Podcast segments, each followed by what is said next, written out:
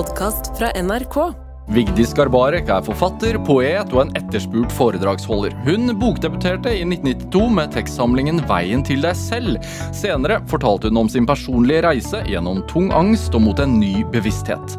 Ønsket hennes er å hjelpe mennesker til å reflektere over seg selv og livet. Dette er Drivkraft med Vegard Larsen i NRK P2. Vigdis Garbarek, velkommen til Drivkraft. Takk skal du ha. Hvordan har du det? Jo, forholdsvis bra. Du, du sa før vi gikk inn her at du sa jeg må bare advare deg, men jeg, jeg prater ganske lavt. Ja, Og så ler jeg veldig høyt. jeg gjør det. Jeg ler fryktelig høyt. Hva sier det om deg, tror du? Jeg vet ikke. Spontan Ja, tror jeg sier det. ja. Men selv om du prater lavt, så har du ganske mye på hjertet, har du ikke det? Jo da, er du gæren. Ja. Jo da, absolutt. Hvor, Men det er veldig avhengig av den jeg sitter overfor. ja. Eller hva jeg skal gjøre. Vi får se, da, i løpet av denne timen. Hvordan er en helt vanlig dag for deg? En helt vanlig dag for meg er um, ja, frokost i nitida. Så kommer, og så har vi Jan og jeg lunsj sammen ofte som tolvtida. Så kommer det en person til meg klokka ett. Så prater vi som regel sånn til tre-halv fire. Så går Anja og jeg, Anja, datteren min, bor i etasjen under med familie. Så går hun og jeg ut og handler middag. Så kommer vi hjem, og så lager vi middag sammen til alle, hele storfamilien.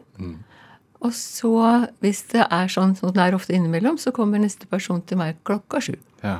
Disse som kommer til deg, hvem er det? Altså, du, du ikke Eh, Det er mennesker som jeg har møtt på min vei. Mm. Mange i, eh, som jeg har kjent i mange og tyve år. Og andre som da kommer fra Nøsen, der hvor vi holder ofte samling. Mm. Og da er det noen som trenger å prate litt ekstra, og så kommer de. Og da Altså, fordi du, du er jo ikke psykolog, Nei, det er ingenting. eh, og ikke terapeut. Det er ingenting. Det koster ingenting. Og koster ingenting. Så det er veldig greit. Ja. Ja. Eh, sånn som med Nøsen, da. Nøsen yoga og fjellhotell. Ja. Det vet jeg at du, dit skal du reise i morgen. ja. Eh, for å være med da på et årslangt kurs, egentlig, i mindfulness. Altså med sånne Ja, som egentlig heter altså fordypning. Ja. Eller som vi liker å si det, egentlig, som jeg tror er egentlig mye riktigere, samtaler i sannhet. Hva er det? Det er å være seg selv og være ekte og snakke om tingene som de faktisk er. Ja. Hva, har folk en Det tendens til å altfor mye om. ja. er det, Har folk en tendens til det motsatte? Eh, vi har tendens til å gjøre oss til. Det er et problem. Hva, hva mener du med å gjøre oss til? Eh, Du vet, vi går der hvor vi tror verden vil ha oss, og glemmer at vi må noe selv. Hva, hva vil det si, egentlig? Å være seg selv. Nei, jo, At vi går dit folk, eh, der vi tenker at folk vil ha oss. Usikkerhet. Ja. Ja. Trang til å tilhøre. Hva skjer på dette kurset, da? Og det er mye rart. Nei, det er eh, Vi legger opp ettersom eh, Først har vi møter, Viggo Ivar og jeg. Ja, Du er en av instruktørene. Ja, Vi er tre stykker som sitter ved siden av hverandre. Og vi er tre veldig forskjellige personligheter. Og det er veldig fint. For det at de som sitter der, er også mange forskjellige personligheter. Så ikke det blir én som påvirker, men vi er mange. Ja. Det tror jeg er veldig viktig. Og så um, sitter vi først hjemme hos meg, Viggo, Ivar og jeg, og legger opp plan. Så drar vi da på Nøsen med planen vår. Og så bruker vi den som bare bakgrunn. Og så er det rommet, altså de menneskene som er der til stede, og deres måte å se disse tingene på, som vi er lydhøre for. Og da utvikle videre hver kveld. Så det blir lange dager. Hva, Hvordan vil du beskrive din rolle, da? Min rolle Skravlebøtte. jeg er egentlig De sitter på hver side av meg og har, har jo da mer mindfulness og, den slags, og yoga og den slags ting i sitt i sin verden. Og så snakker jeg mer om direkte gjenkjenning av vår dypeste natur. Ja. ja. Sånn. Da, da blir jeg jo nysgjerrig. Hvordan, hva, hva er å gjenkjenne sin dypeste natur? Ja, egentlig kan jeg, jeg må si det veldig enkelt. Dette er veldig forenklet. Hvis du har et trestykke, så merker du at det er levende, du har en følelse av det er ekte. Og så får du et stykke som ser helt, helt identisk ut. Helt totalt identisk, men er av plast. Det er forskjellen. Og naturlig så flyter vi naturlig mot det som er av tre, og, og er litt tilbaketrukken på plast. Men fordi at vi er litt surrete i hodet, eller litt surrete i oss selv, så kjenner vi ikke så veldig god forskjell på det sånn i, i hverdagen. Men når vi får lov å være litt med oss selv, så kjenner vi forskjellen på det som er ekte og evig sant, i forhold til det som er da det mer timelige og øyeblikkelige. Så vi skal prøve å ikke være plast. Ja, det hadde vært en fordel! Det, altså eh, De som kommer Ja, og er med, ja. Hva er de ute etter? Uh, Hva er de ute etter? Dette er jo ikke første året du, du Nei, vi har holdt på noen, noen, år nå. Ja. Vet du hva? Altså jeg må si Det er så mange som kommer igjen og igjen. Som melder seg på igjen og igjen. For de opplever det som en fordypning. Så det de kommer etter, er egentlig å få være i den type rom i en uke og bli inspirert til å fortsette å leve slik i en hverdag. Det er det de er ute etter. At det hadde, som er der, varer. ja. Ja. Hvis jeg hadde møtt deg til en samtale, da, hvordan Ja. hadde du begynt? Møtt deg? Ja. Det er bare sitte og sett på deg. det er fordi at det er du som er samtalen, ikke jeg. Hva vil det si? Det er du som bærer spørsmålet i deg, ikke jeg som bærer spørsmål til deg. Huh. Ja, Så det er du som er både spørsmål og svaret. det høres Jeg bare er der. vel, Det høres lite altså, vanskelig å forstå, men når man gjør det, så, så forstår man det kanskje? Ja, Hvis man har de spørsmålene? du, De bor i deg. Ja. De kommer helt naturlig. Er det Folk kommer med seg selv. Mm. Og rommet er helt åpent, og jeg forventer ingenting og skal ingenting. Jeg bare er der. Er det problemer folk ønsker å få løst? Det er alt mulig. Ja. Og jeg er, jeg er dessverre, må jeg si, for kanskje eh, Altså, jeg er ikke hyggelig. Det har jeg vanskelig for å tro. Ja, men det er faktisk ikke hyggelig. Jeg er veldig direkte og veldig rask. Ja, Hva, hva, hva vil det si? Jeg syns det er greiere å gå der hvor møkka er, enn å gå rundt den. Så gå rett på, Ja. og så få det opp, det som alle tror er så stygt. Hvorfor er det en god idé? For det at da kan de fri seg fra den idiotiske tanken om at det de gjør, er, er dårlig, eller det de er, er dårlig. Ja. For det er det ikke. Det er bare uvitenhet. Altså, Mennesket er faktisk uvitenhet av konsekvenser. hva vil det si? De har, tenker ikke Altså, de um, Vi ofte sier vi ord, bruker ordet 'tenke' i samme ord som vi bruker refleksjon. Men det er to helt forskjellige ting. Så refleksjon er i lys av sannhet. Altså i lys av trestykket. som er ekte. Hvem er du da? Ikke sant? I lys av plast. Hvem er du da? Det er to veldig forskjellige utgaver av deg.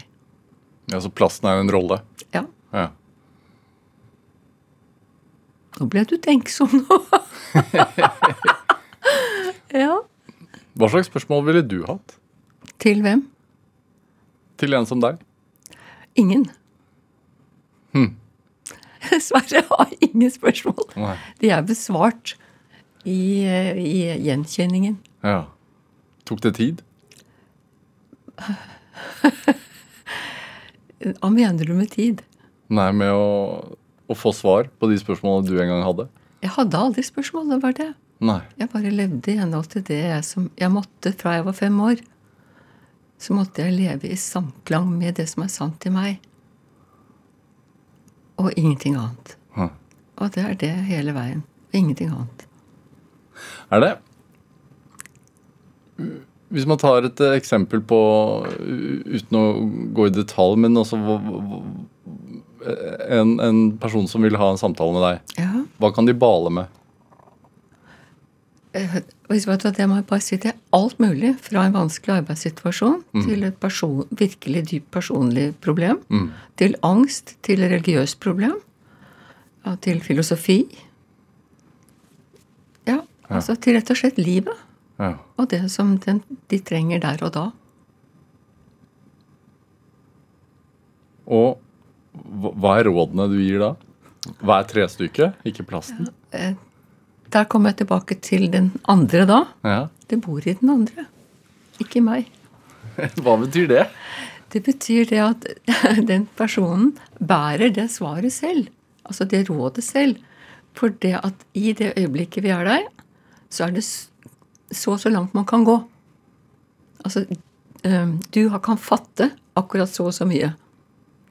Og det er jeg lydhør for, naturlig lydhør, for det bor i deg mye større dybder enn du selv er klar over. Men du har ikke bruk for de, den måten å snakke på. For det går bare rett eh, altså forbi deg.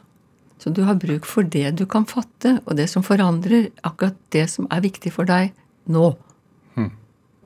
Og det er det jeg tjener. Så man skal ikke planlegge for mye og drømme for mye og tenke for mye hva om hva og hvis?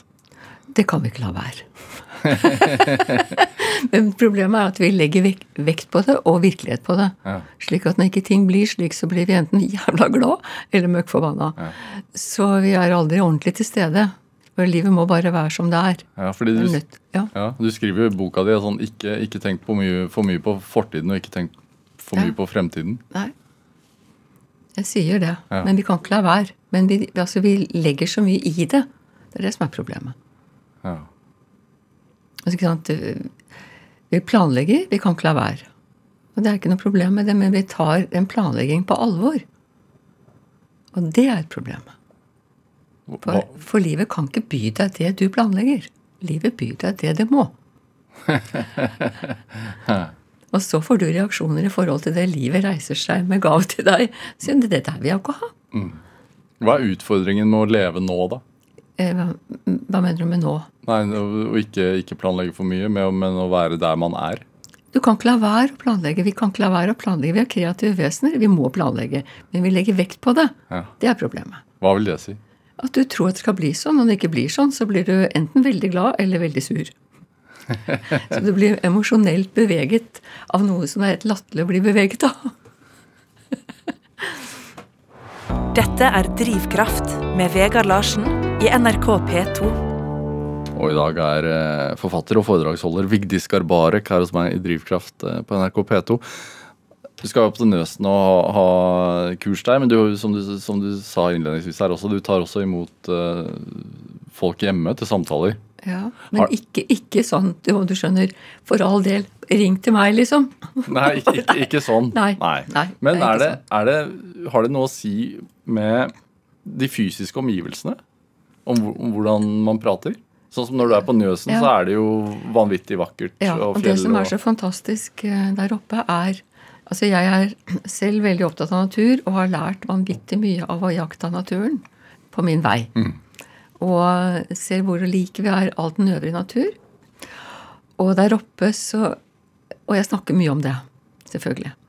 Så der oppe så har de den muligheten av å sitte og se ut på disse fjellene og, den, og på Nøsenvannet. Og ja, den stillheten som er der òg, og det samværet, hvor det er mye latter og prat, det gjør at, at man kommer mye, altså menneskene kommer mye lettere i kontakt med, med seg selv. Og det er samme som når du går tur i skogen eller langs vannet eller, eller på fjellet. Så får vi mennesker mye lettere kontakt med oss selv. Hvorfor er det sånn, tror du? Det er sånn fordi at ingenting av det lyver. Ingenting av det er fordekket. Ingenting det kler på seg noe annet drakt enn å være seg selv, og det påminner oss om nett og slett det. Og derfor finner vi ro. Hva annet har du lært av å se på naturen? Ja, vet du Der kan du faktisk lære alt. Du kan lære å holde ut, du kan lære hva det betyr hvis du f.eks. La oss si det er en elv, og så kommer det en kvist, og så biter den seg fast i siden, og så kommer det et blad, og så Alt det der vokser på seg og blir brakkvann. Og du ville jo ikke drukket det vannet. Du ville drukket det rene vannet, som renner fort forbi. Mens vi da driver og ikke rydder opp i oss selv, og mye blir brakkvann. Som vi da oppstår av i i neste øyeblikk. Det er jo uheldig for oss. Du, du, altså, du, du bor jo på Frogner i dag. Yep. Eh, bodde samme leilighet i 40 år eller noe sånt? Ja, Før det så bodde vi på Romsås Ja. i tolv år. Ja, men du er, født, du er du vokste opp på Frogner? Ja, rett oppi gata for der vi bor. Ja. Hvordan, hvordan var det å vokse opp der på 50-tallet? Eh, Jeg vokste ikke opp der på 50-tallet. Jeg vokste opp litt eh, Da vokste jeg opp i Ullevålsveien. Oh, ja. Hvordan det var. ja. Det var jo Mamma var hjemme og var husmødre. Og vi lekte i gata, for det var ikke noen biler. Det sier ikke noe alt. Vi lekte i bilstedet. Hvordan er det å se den utviklingen eh, Som er nå. Ja. Ja, altså Det er jo veldig mange biler. Ja.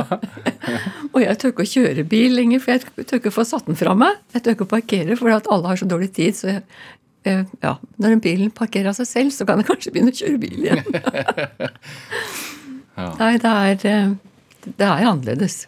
Nå er jeg jo 77 år, og da kan du jo tenke deg Det er jo en stund, da. ja. Hva er den største endringen? som jeg syns Ja, sånn når det gjelder mennesker Mennesker er nå mennesker. Og har sine, sine ting de strever med, samme om det var da, for 1000 år siden, eller i dag. Så det blir jo det samme, i grunnen. Mm. Det som er annerledes nå, er at ting går så fort. Hva er ting? Altså alt Faktisk alt vi foretar oss, går fort. Alt utvikling går fort. Alle, ja, all dataen går fort. Og vi er hastige selv. Vi skal gjøre veldig mye. Vi skal komme veldig langt. Vi skal Altså, det blir liksom ikke tid til å leve. Å leve tar tid. Hva vil det si? Å bevege seg tar ikke noe tid. Men å leve, å være levende, det tar tid. For da må du faktisk være her. Hva er, for, hva, hva, hva er forskjellen på det, da? Å bevege seg og være her? Ja, det er stor forskjell, det. det er det å kunne gå med deg selv i fred. Det er å være her. Være våken for det som er rundt deg, og se rundt deg. Å være der for andre, det er å være her. Ja. Du har mobiltelefon? Yes! Jeg har klart å slå den av. Ja. Går du og ser ned i den? Nei, jeg gjør ikke det, for jeg er så redd for å gå på trynet. jeg gjør ikke det. Altså, jeg, og jeg er, er så fæl at når noen kommer mot meg og går sånn og glor på den telefonen, så går jeg ikke vekk. Jeg bare håper inderlig de skal gå meg ned. så det håper jeg faktisk på. Men de oppdager meg alltid i siste øyeblikk. Ja. Hvorfor håper du at de skal krasje? Jo, for da da våkner et lite øyeblikk. Det, eh, altså det, det at du vokste opp i byen eh, Men jeg vet at om sommeren så var du på landet. Ja, det var Brønnøya. Ja. Hos bestemor og bestefar. I hvert fall de, helt til jeg var tolv. ja. Hva har det betydd? Og det var et vakkert sted. Bestefar hadde bygd et hus der. Som bestemor og bestefar bodde i senere i hele året. Ja. Hvem var de? Bestemor og bestefar. Ja. Bestemor, bestefar var tømrer. Og bestemor var, var bestemor. var hjemme. Ja, så det, men det var et veldig godt sted å være om sommeren. Og hele familien var der. Hvorfor, hva er et godt sted? For et barn Mm. Mye latter, fisketurer. Så er det den der den lyden som ikke høres lenger, den er, høres sånn ut. Snekke. Og jeg husker fryktelig godt den første påhengsmotoren som bare skrek, og jeg tenkte å nei, nå er det slutt på stillheten. Forferdelig. Ja. Ja. ja. Mye jobb med snekker, da. ja, men de tenkte ikke sånn Men hvordan tenkte man det? før. Ja. Ja, de syntes sikkert det var et arbeid, men det var sånn som måtte gjøres. Det er ikke noe, var ikke noe, ikke noe spesielt med det. Nei. Er det eh, Jeg vet at da du var fem år, så, så skjedde det noe som har vært utslagsgivende for din måte å se verden på. Ja, altså jeg var også da fem år, og så på den tomta til bestemor og bestefar så var det noen veldig, veldig høye bjerker. De sto nesten som en slags ved, og så satt jeg like under han der og lekte med dukkene mine og noen blomster. Jeg var veldig begeistra for Marie Nøklebånd. Og, og sånn, så så jeg bare opp i trekronene, og så kom det altså da en lysstråle i trekronene, og den følelsen jeg hadde når jeg satt der, det var en samhørighet med absolutt alt liv. Og når den lysstrålen kom, så sa den uten ord, men til da denne lille piken, at den følelsen jeg da satt med der, som var en samhørighet med alt liv, den måtte jeg aldri glemme, for det var det samme som å tro mot seg selv. Og hvis jeg var det, så ville jeg, fått, ville jeg bli det jeg skulle bli som menneske. Og i det øyeblikket så ble noe interessant født i meg. Det er noe som heter vei. Og jeg for meg selv kalte det vei. Og diskrimineringsevnen. Altså det skillet, trestykket, fra plasten. Og det var det jeg hadde holdt meg til hele livet. Hva, hva mener du med vei? At vi mennesker alle sammen har en vei å gå i i våre liv. Vi er alle født med litt forskjellige legninger og sinn. Og min dragning var da mot forståelse. Altså det å forstå bevisstgjøring, klargjøring. Hva er et menneske? Hva er et menneskeliv? Det er- ble, ble dratt mot hele livet. Hvorfor gjør man sånn? Hvorfor gjør man slik? Hvorfor holde begge ut en utstrakt hånd, og ingen, og ingen vil legge noe i? Altså det er Ingen vil gi, alle vil ha. Hvorfor? Tenkte du det som femåring? Ja. Og alt dette her, det kom i den, i den sammenhengen. Ja. Sa du det til noen? Nei! Det var bare mitt liv. Jeg har aldri sagt noen ting til noen jeg, før, før jeg skrev disse bøkene. Nei. Hva gjorde det med deg, da? Fra Ja, da- det da- ene sekundet da- til det andre? Ja, da, Fra da starter jo iakttagelsen med våkne øyne, altså med en tilstedeværelse. En voksen, altså den, den delen av oss er, har ingen alder. Nei. Den er verken gammel eller ung. Den er evig sann. Og da var det bare den og meg. Og så var det den som oppdro meg. så Vigdis og dette ble én og det samme. Det, er, altså, det det er litt abstrakt. Ja? Kan, man, kan du gjøre det mer håndfast? Nei? Nei. For det er helt abstrakt. Ja. Ja. Det er, altså vil, Alle vil kjenne det igjen inni seg. For der er vi like alle sammen. ja. Hvordan er den følelsen, da? Dyp fred. Takknemlighet. Glede. Huh. Ikke happiness, men glede. Men er det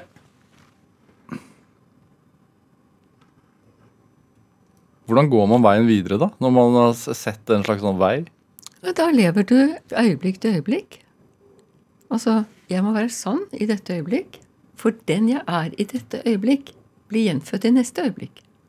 Så hvis jeg vil gjenfødes i et øyeblikk av utvidet forståelse om, om ting, så må jeg være sann i dette øyeblikk. Og sånn gikk nå dagen. Rett og slett. Ja. Ja. Hvordan gikk det på skolen da, da? Ja, det Altså, det er en helt annen sak. Nei, men altså, dette, altså, det jeg husker redaktøren min i Gyldendal, han sa 'Gud, Vigdis, så slitsomt å være sånn'. Ja. Så jeg 'hæ?' Jeg skjønte ikke hva han snakket om, for det er min natur å være sånn. Så jeg, det har ikke noe med saken å gjøre. For den naturlige iakttagelsen og det der sånn, det, det bare hender hele tiden. Så det var ikke noe problem. Aldri vært noe problem. Og så har piken lekt med dukker. Har du møtt andre som har opplevd noe sånt? Mange sier at de har, men jeg har ikke møtt dem ennå. Hva er forskjellen på å si det og, og Ja, altså eh, Det er veldig, veldig mye som blir forskjellig. Fordi at hver har sitt, hvert menneske har sitt øyeblikk. Og hvordan det arter seg for én, er ikke likt at det arter seg for en annen. Så det, jeg har hørt, møtt mange som har sagt de har vært opplevd noe av det samme som meg. Men det, det blir ikke slik. For det at hver og en av oss må være tro mot sitt eget øyeblikk. Så det øyeblikket begynner å sammenligne dette, her, så har vi mistet tråden i vårt eget. Det er det jeg mener. Og da blir vi egentlig at vi syns vi kjenner igjen noe. Og så prøver vi å bli lik. Og det er ikke lurt. Da forlater vi vårt eget. Hvordan opplevde du det å være barn etterpå da? I barndomshjemmet ditt, f.eks.? Ikke noe problem. Nei. Ja, for det var, jeg hadde jo ikke noe valg. Ikke sant? Du sier det som om jeg skulle være utlevert. Ikke sant? Nei, det var bare livet mitt. Og det var sånn. Ja. Og jeg, sånn er jeg laga, og sånn ble det. ja. Du, øh, vokste opp i et hjem hvor det var, et ganske urolig hjem. Ja. Ja. Hvordan preget det deg? Um, igjen, altså jeg har også vært som da hele livet. Plukker opp alt jeg kan plukke opp på min vei. Alle former for innsikt. Gode, dårlige. Hvorfor, hvorfor. Så det er klart at jeg lærte veldig mye av den uroen mellom mor og far. Hva lærer man? Lærer hvordan leve og hvordan ikke leve. Hva blir den slags væremåte? Hva leder det til? Hva blir slik? Hva leder det til? Hvordan vil jeg? Ja. Så traff du mannen din som 15-åring. ja. Vi traff hverandre første gang som tolvåringer Ja. på Frognerbadet. og så, men han, han bodde jo et helt annet sted enn meg. Bodde på Årvoll, og jeg på Frogner. Så jeg, han, han dro tilbake, etter følge ifølge hans mor. Jeg dro, han dro tilbake for å se etter meg igjen, og da var jeg borte.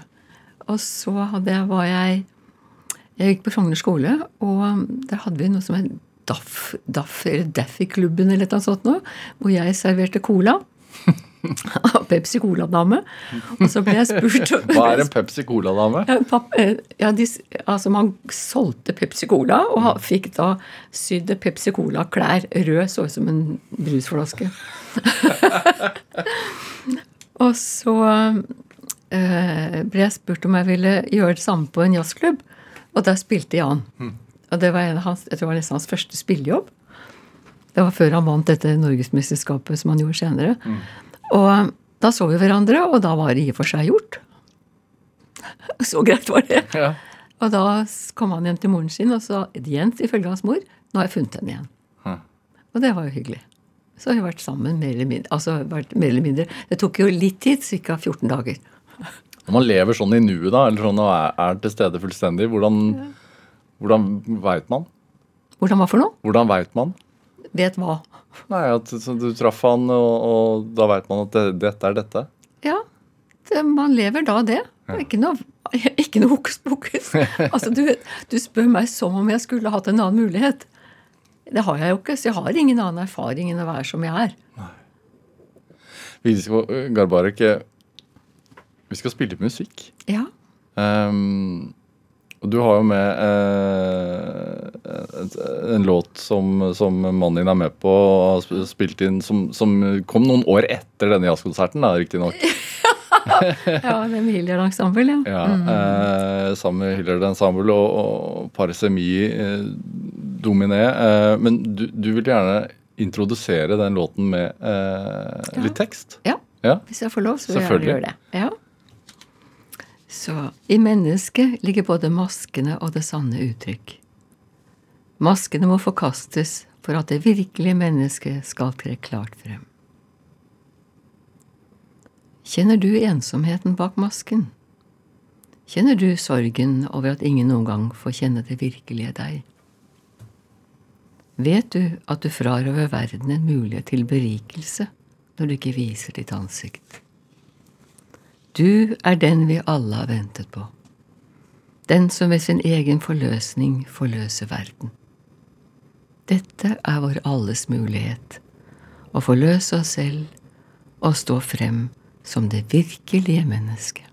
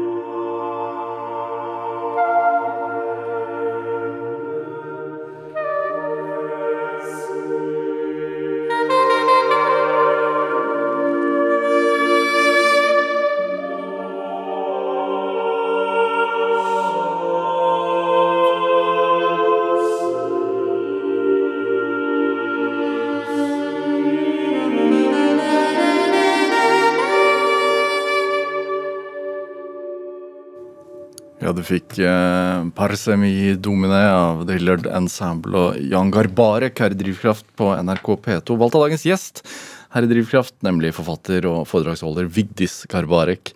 Du, du, du sa jo før vi spilte her at eh, vakker natur setter oss i bedre kontakt med oss selv. Er det samme med vakker musikk? Ja. Hvilke bilder får du i hodet når du hører dette her? Ja, dette her er for meg For at jeg har vært med på innspillingene. Og jeg må jo bare grine hver gang. Så det er veldig vanskelig for meg nesten å snakke nå, for at jeg, det, det er så vakkert. Hvorfor det så? Hvorfor beveger det deg sånn? Eh, hvorfor det gjør det? For det går rett til hjerterota på meg, i hvert fall.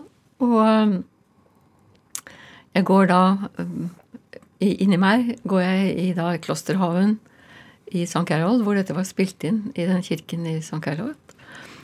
Og hører dette her ut gjennom vinduene i kirken. Og bare dette å få lov å være der og høre på dette her, har vært helt fantastisk. Og jeg har vært, jeg har vært med dem masse steder rundt omkring i verden, med Hiller Ensemble og Jan, i masse i kirker og katedraler.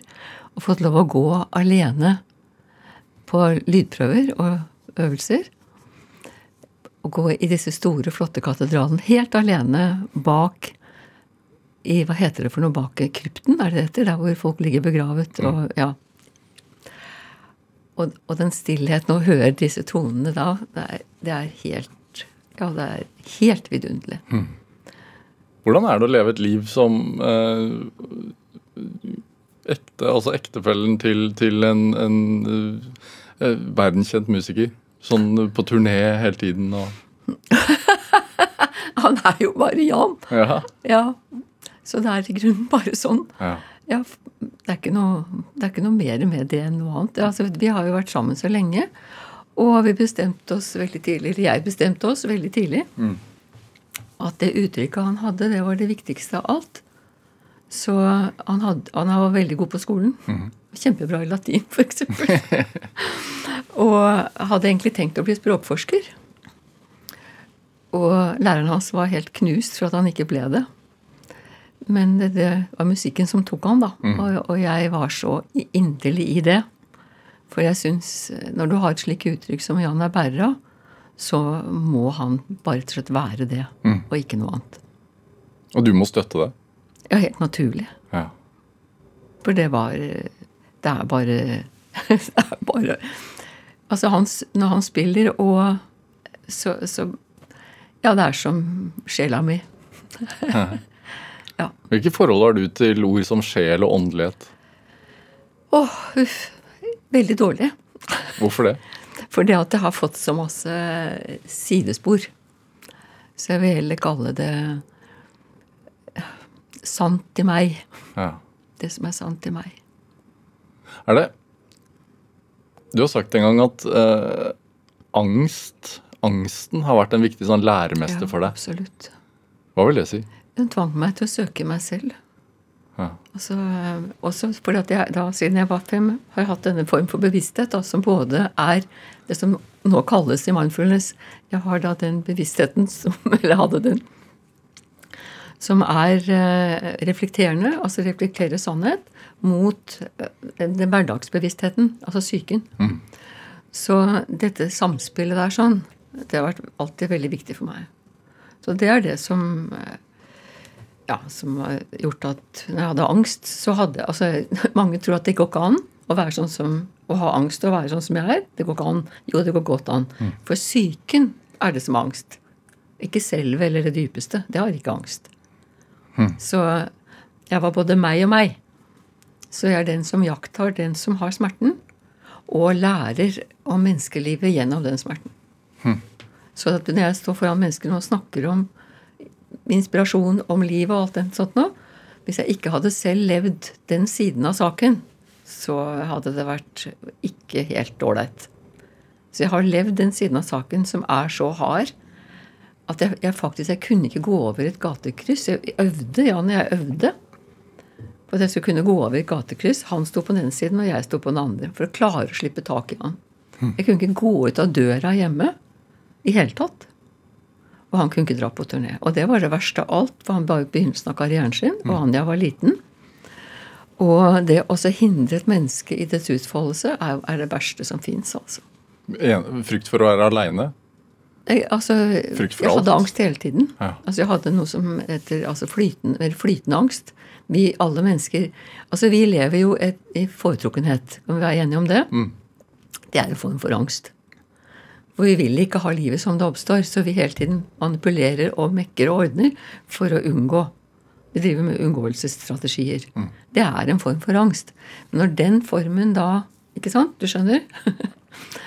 Men dette her som jeg snakker om, er moren til alt, alle undergruppene. Hva, hva vil det si? Det vil si, vi har, altså Noen har angst for ditten, andre har angst for datten. Da kan man unngå det. Ja. Men når angsten er flytende, så kan du ikke unngå noe som helst. For det er da hele stemningen du bærer. Og da lærte jeg meg Og det må jeg si mennesket er noe av det klokeste som fins. Hva vi eier av kunnskap i oss selv, det er helt formidabelt. Og vi husker på at vi er fra opprinnelsen. Vi er jo fra stjernestøv. Og hva vi eier i vår selvhukommelse, og hva vi kan bruke når vi faktisk ikke har noe annet, det er helt utrolig. Så jeg tenkte, altså som jeg var, nå må jeg gå og søke. For at eh, i meg selv, altså må forstå alt. Forstå alle sammenhenger. For det var kjempeviktig. Og hvordan spise riktig. ikke sant? Havregrøt, kok på melk, ikke på vann. For det gjør veldig bra for maven. Sove riktig. Sove med mange dyner oppå hverandre for å ha den tryggheten. Masse sånne triks som i dag er vanlige, som bor i, i vår egen kunnskap om oss selv. Hvordan Når det sto på som verst, altså Ja. det var på 70-tallet 80 Ja, 70. Ja. Hvordan altså, Klarer du å beskrive hvordan det er? Uh, ja, for det at jeg faktisk eh, Når boka mi kom et vågestykke, så ble jeg, skulle jeg bli intervjuet av noen aviser, vet du, sånn som man jo blir. Og så som det var første gangen jeg, første gang jeg møtte på dette her, så hadde jeg jo den ideen om at Altså Som er en helt latterlig idé, selvfølgelig, om at de som intervjuer deg, har lest boka di. Jeg har lest boken din. Ja, det var det. ja. Ok, men i hvert fall Det har vært sånn Jeg, jeg fikk boka med det er akkurat nå, ja. Liksom sånn, ikke sant? Og det skjønte jeg at det må jo bli sånn, for de gjør jo ikke noe særlig annet. Den gangen så ble jo ting faktisk eh, Kom jo fram i avisen når man gjorde noe. Det gjør jo ikke lenger. Men, eh, men eh, i hvert fall, jeg satt oppe på toppen på Grang sammen med da denne journalisten og en fotograf. Så kommer denne journalisten til, med et veldig uheldig utsagn fra hans side. Ja, altså Angst ja. Men altså, når du bor på Frogner Du vet Ja, altså Og er gift med Jan, liksom sånn Hvor mye angst kan du ha da? Liksom. Skjønner du? Ja. Ja, og da Det skulle hun aldri ha sagt, for da var hun på med en gang. Og da kom det en glimrende replikk fra meg. Du blir ganske selvopptatt når du henger etter ett hårstrå utfor et stup. Jeg lurer på om det ikke var veldig selvopptatthet som gjorde at man liksom hadde angst. Men når du henger etter ett hårstrå utfor et stup, da blir du temmelig selvopptatt. Ja. Og da våkna han. ja. For det er sånn det føles. Ja. Sånn det føles. Det er Altså Det er nesten ingen tilværelse å klamre seg til engang. Og når Jan forlot rommet, når det var på det verste, Ja. så ble rommet svart. Altså, så det, det var helt utrolig. Bare han gikk ut av rommet. Ja, bare frykt igjen. Ja. Og frykt i den forstand er egentlig sa, rom, altså, Den er hvitglødende, hvis du forstår. Depresjonen er mørk Ja. og neddysset. Men den form for angst jeg vil kalle den hvitglødende. Den er helt Hvor lenge pågikk det? ti år. Og jeg var hemmet av det. Hvor sakte går tiden da? Hvor sakte tiden går? Ja. Ja, Det var et godt spørsmål. Det var faktisk ikke snakk om tid, bare overlevelse. Hvordan overlever man? Ja, der har jeg hatt da dette med meg at jeg lærer alt. Og jeg overlevde av jakta samtidig som jeg hadde dyp fred og glede i mitt aller innerste. Men det var altså ikke psyken. Nei. Så syke er jo en form for materie. Og så var du mor oppi det hele òg. Ja da. Og det også ikke kunne ta med Anja på den måten jeg syns jeg ville ta med henne. ikke sant? Og det Ja. Nei, det var helt forferdelig. Bør man, bør man prøve å unngå det vanskelig, eller bør man møte det? Å, det vil jeg aldri råde noen. Da må det mennesket som har det spørsmålet, sitte overfor meg. Da kan jeg si det. Men ikke generelt. Hva med deg selv? Hva da? Hva med deg selv? Hva tenker du på da? Har du hatt godt av å møte eller unngå Jeg har godt av å se faktisk pga. mors og fars vanskelige liv. Og deres eh, altså For jeg har arvet denne angstgreia. har- Altså den følsomheten, faktisk. Den har jeg arvet fra begge parter. Og se det at det de valgte som løsninger på ting, det var ikke gjort mot oss, broren min og meg. Det var fordi at de kunne ikke annet. Og det lærte meg Så det å gå gjennom ting selv, da ser du at det er ikke noe sånn pytt, pytt, og de burde. Nei, de gjorde så godt de kunne. Så det, var, det har vært kjempeviktig for meg, Også. Når kom du til den eh, erkjennelsen? Ja, det kom etter ganske fort. ja, faktisk. For noe av det som er vanskelig for barn av problematiske foreldre, det er jo hvorfor gjør de dette mot oss? Hvorfor kan de ikke være? Hvorfor må de drikke? Hvorfor må de da Ja. Men det lærte meg også Altså, jeg visste jo veldig tidlig at livet mitt kom til å bli vanskelig. Så Og når jeg da fikk den angsten, altså eneste vi hadde Vi slo opp i Den gangen var det noe som het Telefonkatalogen. På gule sider på psykologer. og begynte, Jan begynte å ringe rundt. Og til slutt så var det én person som eh, hadde respons, og hun var fengselspsykolog, en gammel dame. Så kom jeg opp til henne, og så tror hun at jeg led egentlig av sosial angst eller sammenligningsangst. Du vet sånn, for jeg, Du er jo husmor, du er så flink. Jeg har aldri lidd av noe sånt i mitt liv. Aldri hatt noe trøbbel med noe sånt noe. Så dette her var eksistensiell angst på noe helt annet. så dette var noe som måtte fram. Ja. Hjelper det å sette ord på det og, og, og for å Ja, få bukt altså, med det? jeg ville jo sagt at uh, det hjelper å sette dine egne ord på det, ikke andres. Mm. For denne forklaringsmodellen og alle disse tingene, det er ikke nødvendigvis at det treffer akkurat deg. Så det å få samtale med seg selv og snakke ærlig med seg selv og ordentlig med seg selv, det tror jeg er viktig. Hva skjedde i 89? Uh, ja, da var jo neste, neste greia. Da um, merket jeg at uh, nå var det noe som var virkelig på gang. Og kjente at nå kommer dette som hele livet mitt har bygget opp mot. Og jeg ba faktisk om å få slippe. Jeg sa 'kan jeg få slippe'? For dette er så vanskelig. Hvordan skal jeg klare å gjennomleve dette som jeg ikke vet hva er, men som er så meningsfullt og viktig? Men da ble det jo enda verre. Da ble jeg jo sanndrømt. Det var ikke grenser for hva jeg ikke ble. Så det gikk ikke. Og da var det bare å finne seg hvordan tingene var. Og da var det veldig mye altså visjoner eh, Jeg vet ikke hva jeg skal kalle alle. Jeg vil egentlig si det sånn at alt som står i Bibelen, om ting, og forskjellige sånne skrifter, som jeg alltid syns har vært veld, veldig overdrevet, plutselig begynte å få litt sannhetsgehalt. For da ble det veldig, veldig mange inntrykk. Var det én hendelse? Nei, det var mange Sånn kom det. Og så til slutt så akkumulerte det i én hendelse på gaten. Og det er en helt vanlig dag i november. Og jeg har vært ute og handlet mat, og bare den gangen var det Ica som hadde, var butikken her. Og jeg handlepose i hver hånd, og jeg står og Plutselig så kommer jeg og ser det opp på et tre, jeg to trær utenfor der jeg bor, utenfor porten vår. Og så ser jeg opp, og så er det et blad som bare danser nedover luften. Og så tenker jeg bare, sier jeg til det bladet 'takk for i år'.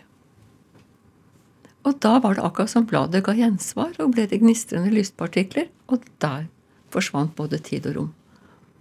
Og så ble Ja, jeg forklart da på en måte sammenheng mellom ting, og bevisstheten endret seg til en helt annen form for bevissthet, som da blir mer det man kaller såkalt ren. Så ikke personlig bevissthet. Men dette blir jo veldig mye filosofi, da. Så det blir det som kalles da innenfor begrepene tom, klar bevissthet. Hvor det ikke er noe jeg. Altså dette her er. Jeg ser helt høl i huet. Men, men eh, for Ja, Hva sier du til de som tenker sånn Nei, dette høres helt høl i huet Jeg sier det er helt høl i huet. Jeg ville aldri trodd det. For jeg, har aldri jeg, har- jeg, har- aldri lest om dette noen gang. Jeg har aldri hørt om det noen gang. Jeg har aldri meditert. Jeg har aldri drevet på med yoga. Ingenting. Jeg har bare levd for å være sann mot det som er sant i meg hele livet. Det eneste jeg har hatt hele veien. Men var det dette som trigget uh, skrive... Ja. For det at før det, når jeg var uh, ja, vel for noen og 30 etter at angsten hadde roa seg litt, så sto jeg på kjøkkenet da vi bodde på Romsås, og så tenkte jeg Eller kjente jeg bare jeg skal skrive. Og så i samme øyeblikk så oppstår det i rommet en indianer, en sånn indianerdame, altså sånn søramerikaner, sånn tjukk dame, som sier til meg igjen ordløst det må vente til jeg er over 40 år. For jeg har ikke nok ild. Og da skjønte jeg hva hun mente, for jeg hadde ikke noe ild. Og så ble jeg jo 43 år, og da kom det ild.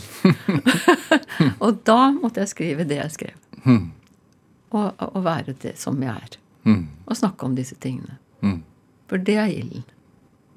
Du liker ikke å bli kalt uh, altså, du liker jo ikke at det blir kalt uh, mindfulness, det du driver med. Nei, jeg, jeg, er ikke det. Nei. Nei, jeg er, jeg er et menneske øh, Jeg har et jeg, jeg er ingenting. Men, men altså Og det Jeg Jeg gjør ingenting. Mennesket bare kommer. Ja. Og vi snakker sammen. Jeg kaller det å slå av en prat. Ja. Og det er det. Du sa at uh, angsten hadde gått litt over. Hvordan går, går angst over? Den går ja, Det må du eh, si, nesten spørre de lærde om. Den går aldri over, for den tilhører min personlige legning. Så den ligger, har ligget der helt fra fødselen av som naturlig væremåte. Og så når, den, når man da blir litt klemt litt inn i et hjørne, som jeg da åpenbart ble Jeg fikk en litt annen form for liv. Altså Jeg var vant til å leve i kampen mellom mor og far. Og ha alle strategier og se disse tingene. Og når jeg, ja, når jeg ble gift Og Jan er innmari snill. Så det var ingen kamp lenger. Og all, hele meg var jo lagd til et veldig våkent system. Og da ble ikke det brukt til noe, og så vendte det seg den andre veien. Og da kom nok all utryggheten fra barndommen i forbindelse med det. Ut. Ja. Mm. Så jeg vil si at det er en legning, og jeg får ofte det spørsmålet ikke sant, eh, Tror du du kan få angst igjen og sånn? Så sier jeg men jeg sk øh, ring meg når jeg er daud, så skal jeg fortelle åssen det gikk. For jeg er håpløst. Og så spør de meg også om tror du at du noen gang kan bli lei deg og sånn. Altså, jeg tar meg en rett å være et menneske og ha de følelsene jeg har. Jeg har aldri vært i livet for å ha det bra.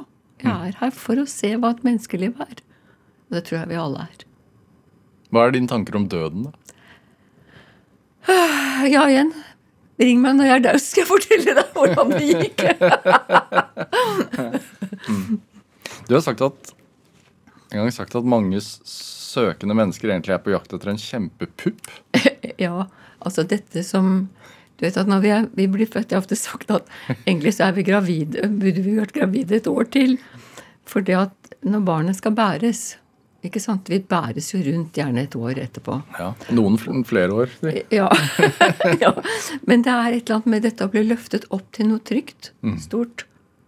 Mm. og det format. Altså den, den ideen farver våre liv. En ideen om at noe som skal løfte deg opp. Altså ikke bruke egne krefter. Men du ser jo når et lite barn reiser seg opp og klarer å holde seg fast i noe, hvor strålende fornøyd det er. Jeg klarer selv. Jeg kan gå. I en eller annen merkelig måte så mister vi det underveis. Og så er det sånn Er det noe her som kan løfte meg?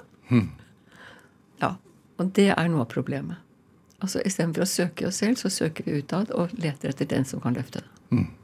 Vi må lære oss å gå igjen. Ja, Ja. faktisk. Og den gleden over å kunne eie deg selv, om det så bare er en millimeter, men den eier du selv. Hva tenker du er drivkraften din, Vigdis? Jo, det skal jeg si deg, for det at jeg hørte at det, måtte jeg snakke om. Og da tenkte jeg Da har jeg jo levd et lite liv. og så tenkte jeg Ja, hva er det som er gjentagende meg? Og da ah, kommer jeg fram til noe som er faktisk den beste måten å si det på. Det reneste uttrykk som er mulig i det gitte øyeblikk, det er drivkraften min. Hva legger du i det? Ja, hvis du hører det reneste uttrykk som er mulig i det gitte øyeblikk. I det ligger både fred, absolutt balanse, ikke skulle ha noe annet enn det som oppstår. For det er det eneste livet kan gi deg. Er det mulig? Ja, til, Er det faktisk mulig? tilstedeværelse her og nå. Nei, det faktisk mulig. Livet kan ikke gi deg det du drømmer om, men det kan gi deg det som er faktisk mulig. Og det som naturen naturlig gir deg. Ja, det er mitt, min drivkraft. Vivi Skarberg, tusen takk for at du kom hit til Drivkraft. Takk for at jeg fikk komme. Hør eh, flere samtaler i Drivkraft på nrk.no eller i appen NRK Radio. Send oss ris eller ros, og også tips til mennesker som du mener har drivkraft. Send en e-posten til drivkraft.krøllalfa.nrk.no. Vi hører veldig gjerne fra deg. Produsent i dag det var Kjartan Aarsand, mens Anne Hoff gjorde research til eh, denne sendingen. Men dette, dette var Drivkraft. Jeg heter Vega Vegard Larsen. Vi høres. Du har hørt en podkast fra NRK. Hør alle episodene kun i appen NRK Radio.